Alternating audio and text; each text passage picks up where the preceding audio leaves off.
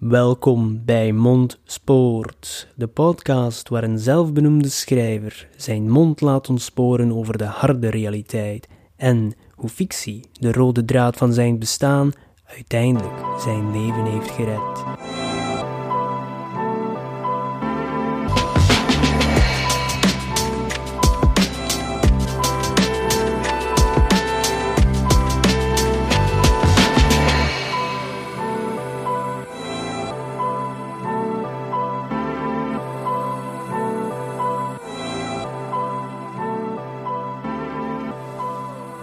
Iedereen, welkom in alweer een nieuwe aflevering van Mondspoort.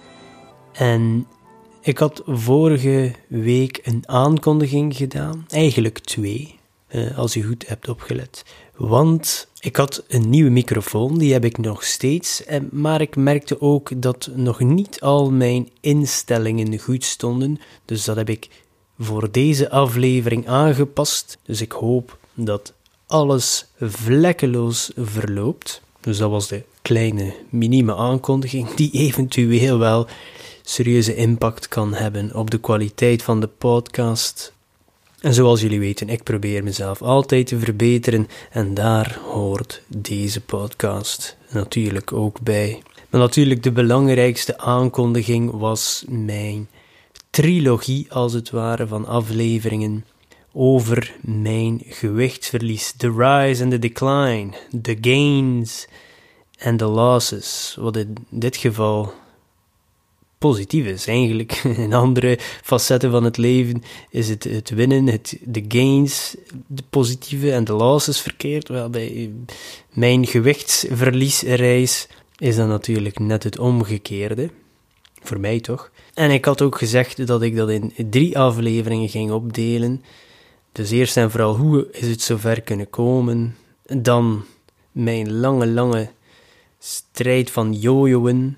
Alle pogingen die ik heb gedaan, uh, alle diëten. Dus de dingen die werkten, de dingen die niet werkten, de dingen die tijdelijk werkten. Dat zal allemaal voor volgende week zijn. En dan natuurlijk wat voor mij wel werkte en nog steeds werkt. So yeah, let's go back a little while.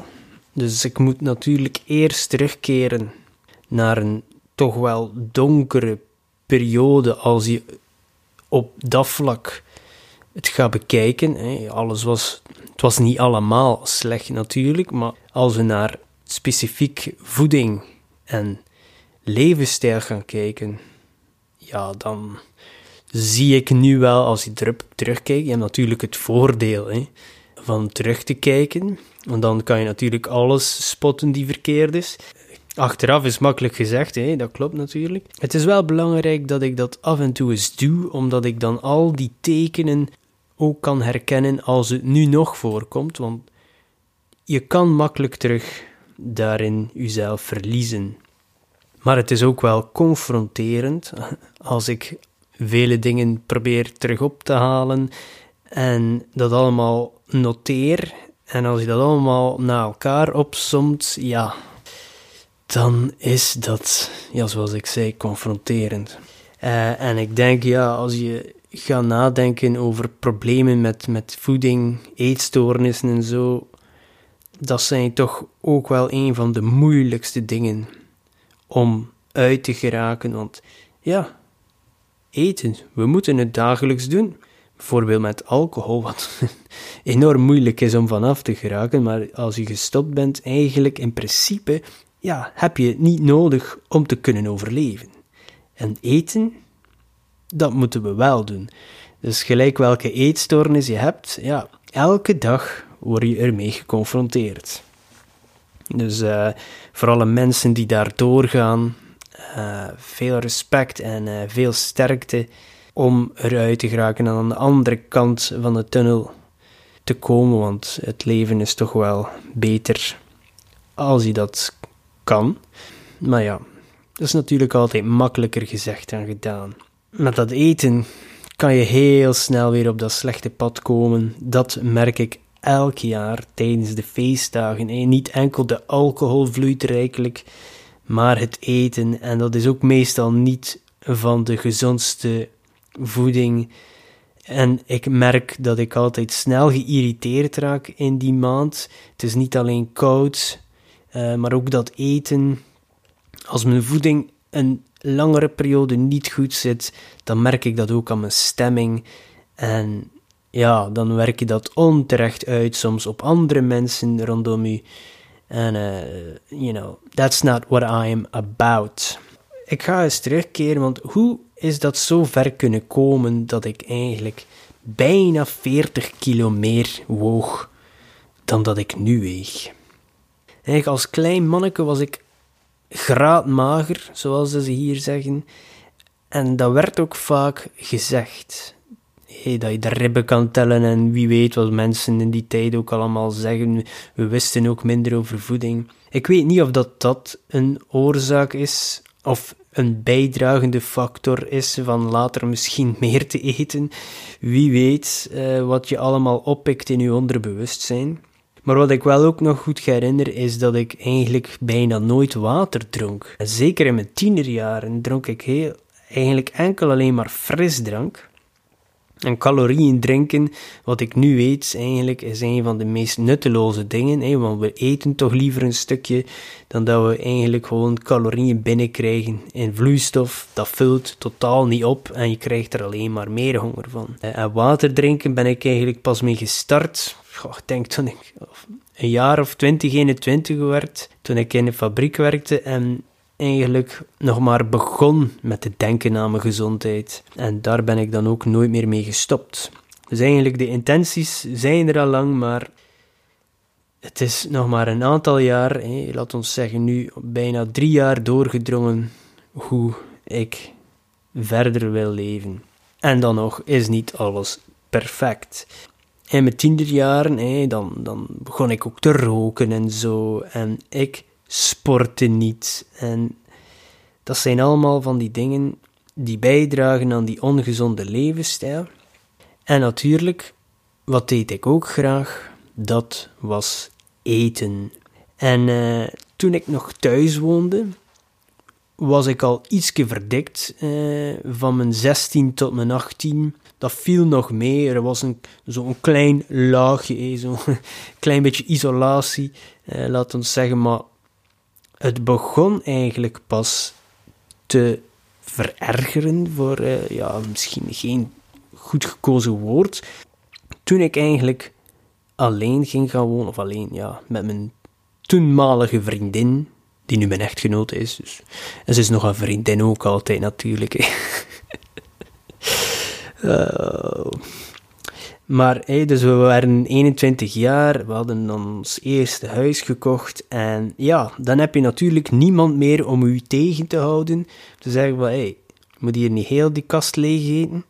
Maar dan beslis je ook zelf wat er in die snoepkast ligt en wat er op je bord komt. En dat was ook in die periode, hey, 21, 22, een jaar of 13, 14 eh, geleden, uh, wanneer dat die hype van de kookprogramma's ja, dat was overal. Hè. Iedere zender had twee of drie kookprogramma's.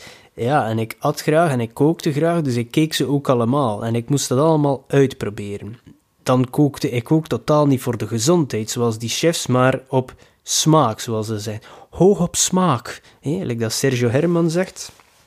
Dus ja, die extra klont boter of die extra gulp dat was er snel bij. Of een beetje hè, zo olijfolie extra op uw pasta op het einde. Wat eigenlijk het meest nutteloze ooit lijkt als ik er nu op terugkijk.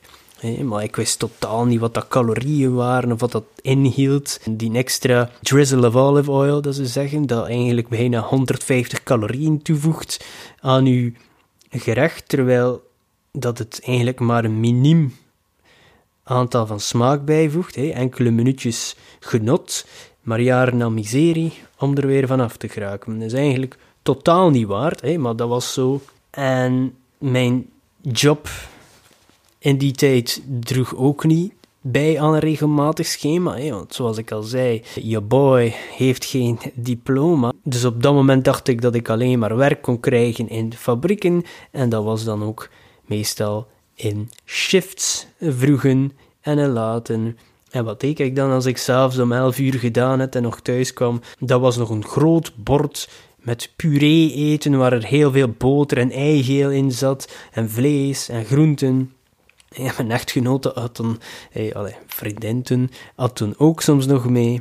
En ja, ik kruip dan met een, een overvolle maag in uw bed. En ja, je brandt het ook niet af, want ja, ik werkte wel in fabrieken en dat was af en toe sleuren en trekken, maar ik zat ook op een heftruck en ik deed niets van andere sport daarbuiten, dus eigenlijk brand je bijna niets af en je komt alleen maar bij. Je zit eigenlijk ja, in een surplus van calorieën. En dan vrijdagavond gingen we graag weg met de vrienden. We dronken, wat ook heel veel calorieën is. En alcohol en bier en wijn. En dat zijn de calorieën die het lichaam eerst wil afbranden. Dus hetgene dat je gegeten hebt, vliegt dan eigenlijk op de achterbank totdat de alcohol in je lijf verwerkt is. En dan ga je na het uitgaan nog een keer om een eh, vettige pita.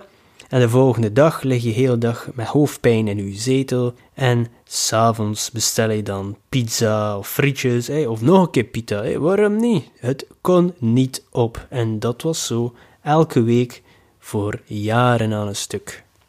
En dan, ik ging ook graag op reis. Ik wilde altijd al heel graag naar New York gaan. En ja, eerst en vooral als ik op reis ga, is het eten wel belangrijk. En dat is nog altijd zo. Dat is nog niet veranderd. Ik kan echt, mijn dag kan echt verpest zijn als er ergens slechte maaltijd geweest is op reis. Nu probeer ik me dat minder te laten beïnvloeden, hè, want dat is uiteindelijk maar een klein deel van uw dag. Maar dat kon mij echt slecht zitten als we ergens een plekje gevonden om te eten en dat dat op niets trok. Uh, maar ja, de calorieën, want je wilt alles proberen hè, als je in Amerika bent. En die porties zijn daar ook dubbel zo groot als de onze. Maar ik denk, waarom vermeld ik die reis? Om, dat is, denk ik, de eerste keer dat ik echt wel opmerkte op foto's achteraf dat ik ietsje zwaarder was. Allee, ik wist dat natuurlijk wel al, maar ja, die foto's zijn toch meestal de dingen die confronteren. Hè? Want hier zit daar dan een, een, een onflatterende hoek eh, in met slechte belichting of overbelichting. En niet veel later, eigenlijk, ja, ik denk in datzelfde jaar of, of misschien iets uh, tien maanden later, zijn we dan naar, naar de eerste keer naar Dubai geweest, omdat ik daar ook heel graag naartoe wilde. Ik denk dat was 2010. Je hebt daar dan uh, zo'n boek, De Entertainer heet dat. En wat is dat? Speciaal voor toeristen. Nu is dat een app natuurlijk. Vroeger was dat zo'n dikke boek, zoals de Gouden Gids. Niemand die dat nog kent. En dat was, stond vol met bons, hè? met coupons. 1 plus 1 gratis, 2 plus 1 gratis. Uh, en dat was zo voor kledij, korting op de waterpretparken en andere attracties, toeristische attracties in Dubai. Eentje kopen, eentje gratis. Dus zo kun je, want dat kost ook wel wat geld, en zo kun je wel wat geld besparen als toerist. Uh, maar vooral ja, het eten. Eén ijsje kopen, eentje gratis. Eén milkshake kopen, eentje gratis. Een hoofdgerecht in dat restaurant, één gratis. En wat deed ik dan? dat is eigenlijk te gek voor woorden als ik nu naar terugkijk. Ik eet graag, dus mijn vader is van Pakistaanse afkomst, ik eet graag Pakistaanse en Indische keuken.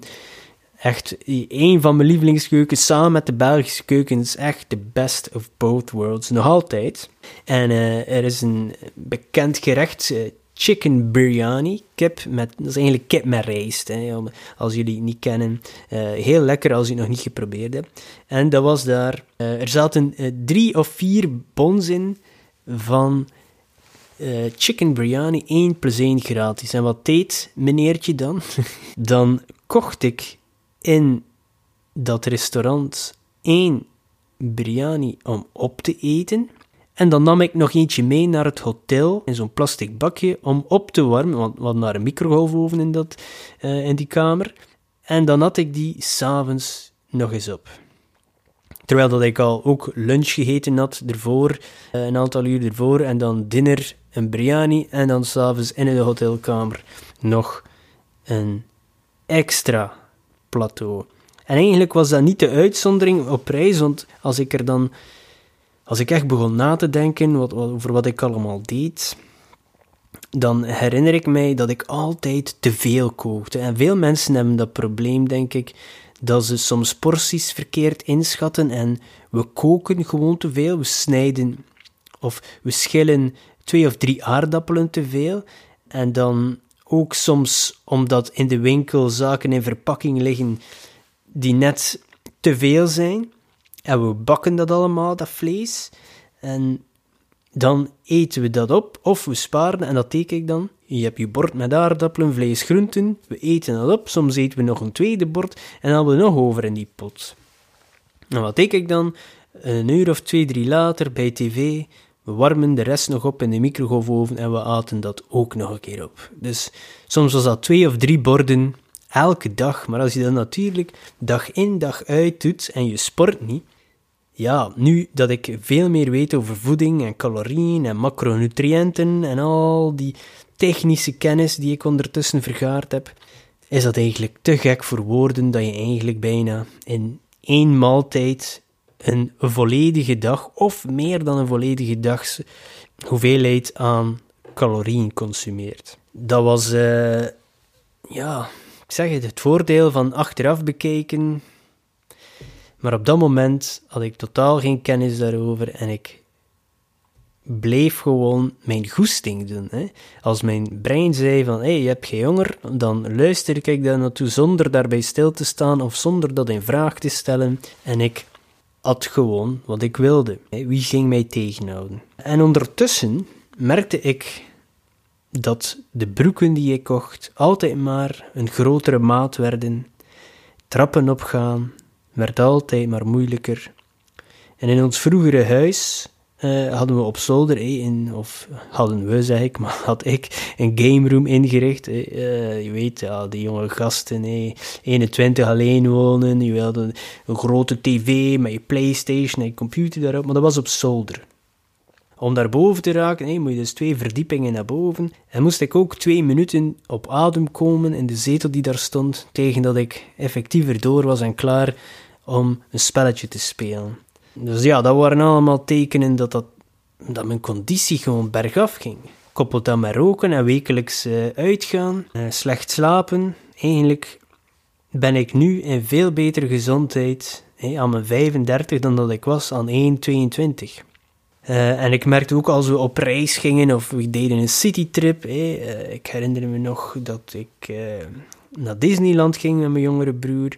En na twee dagen, ik droeg hem ook wel veel op mijn schouders, maar ook op andere trips, merkte ik dat als ik twee dagen wandelde, dat mijn voeten zoveel pijn deden, alsof dat mijn beenderen door mijn vel gingen schieten. Over de jaren had ik me straag van, van 60 kilo. Hè. Ik, ben, ik ben niet groot, hè. ik pakte meter 68, meter 67 misschien. Altijd een paar centimeter bij doen. Hè. Maar you know, als we toch eerlijk zijn. Dus ja, 60 dat was nog sava voor. Hè. Dat is een, een goede gewicht voor die lengte. Dan had ik heel traag naar 63 zien gaan, maar dan een aantal maanden later sta je op de weegschaal en klokt dat opeens op 72. En dan zag ik dat daar groeien naar 80. En heb ik ooit de 89 zien aantikken op dat verdomde toestel. En, en dan durfde ik zelf niet meer op de weegschaal staan. Maar ik vermoed dat ik zelfs een korte periode net over de 90 ben geweest. Ter info, ik weeg nu 55. voor mijn lengte is dat een gezond, lean, goed gewicht.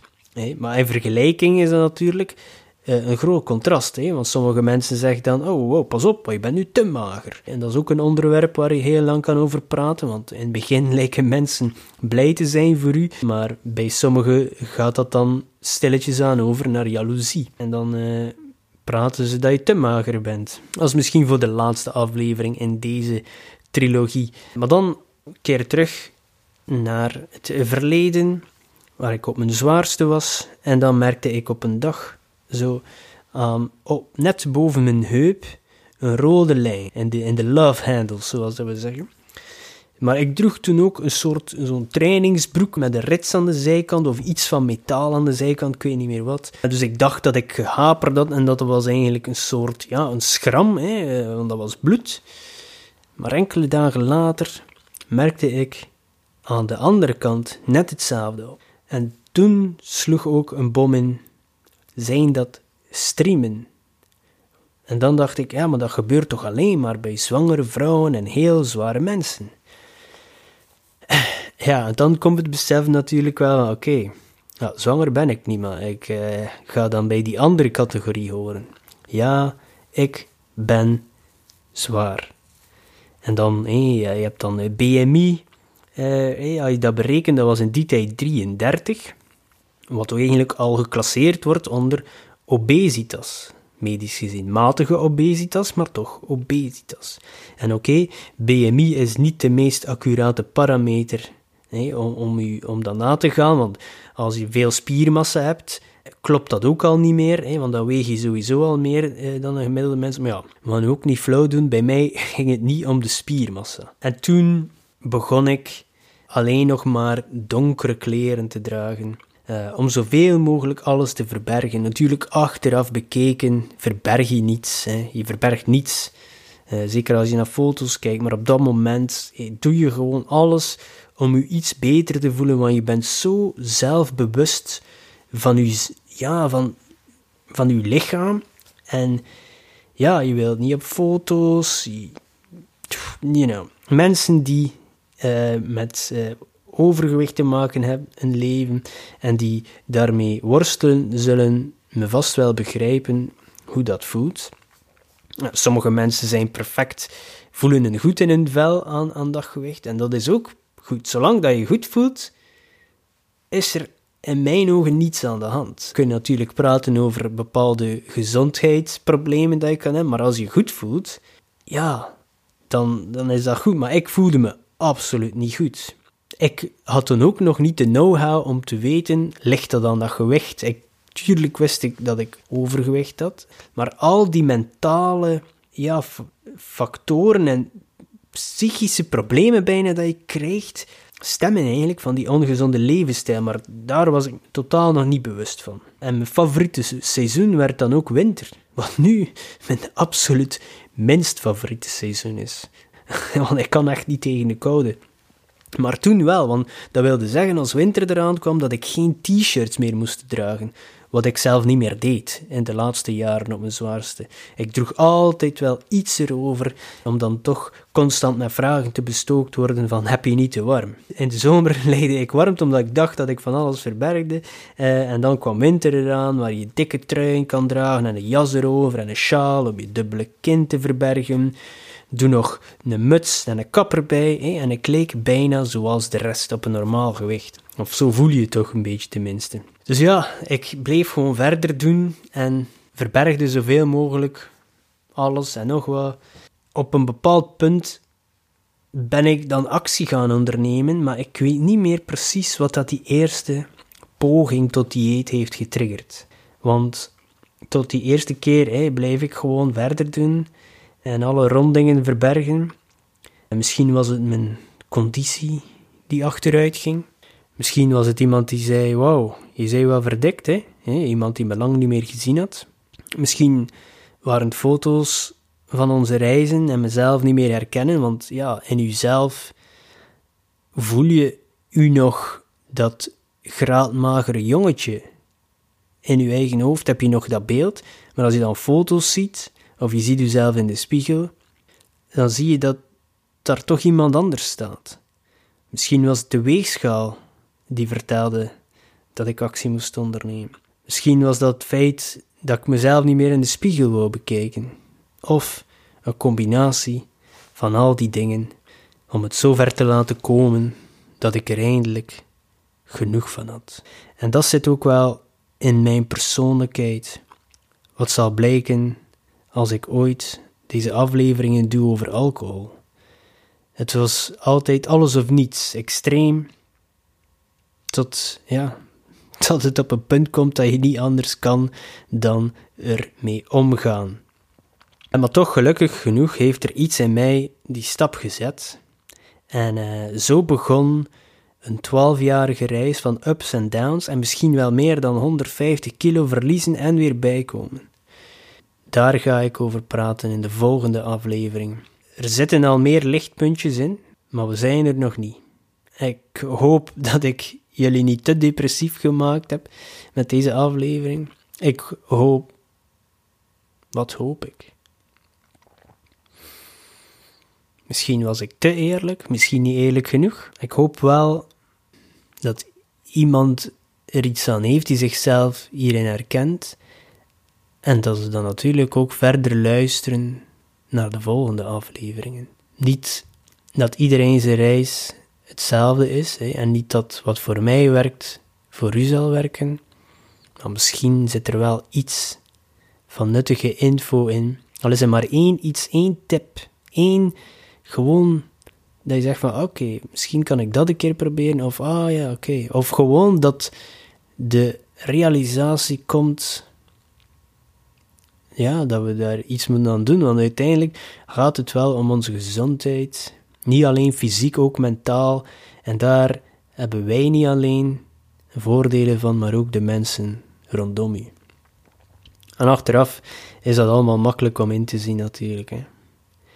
Uh, maar ja, oké. Ik hoop dat jullie volgende week weer luisteren. En als je iemand kent die misschien mogelijk hier iets aan kan hebben, uh, aarzel zeker niet om deze podcast te delen met hen. En uh, wees ondertussen niet te streng voor jezelf. Tot volgende week. Ciao.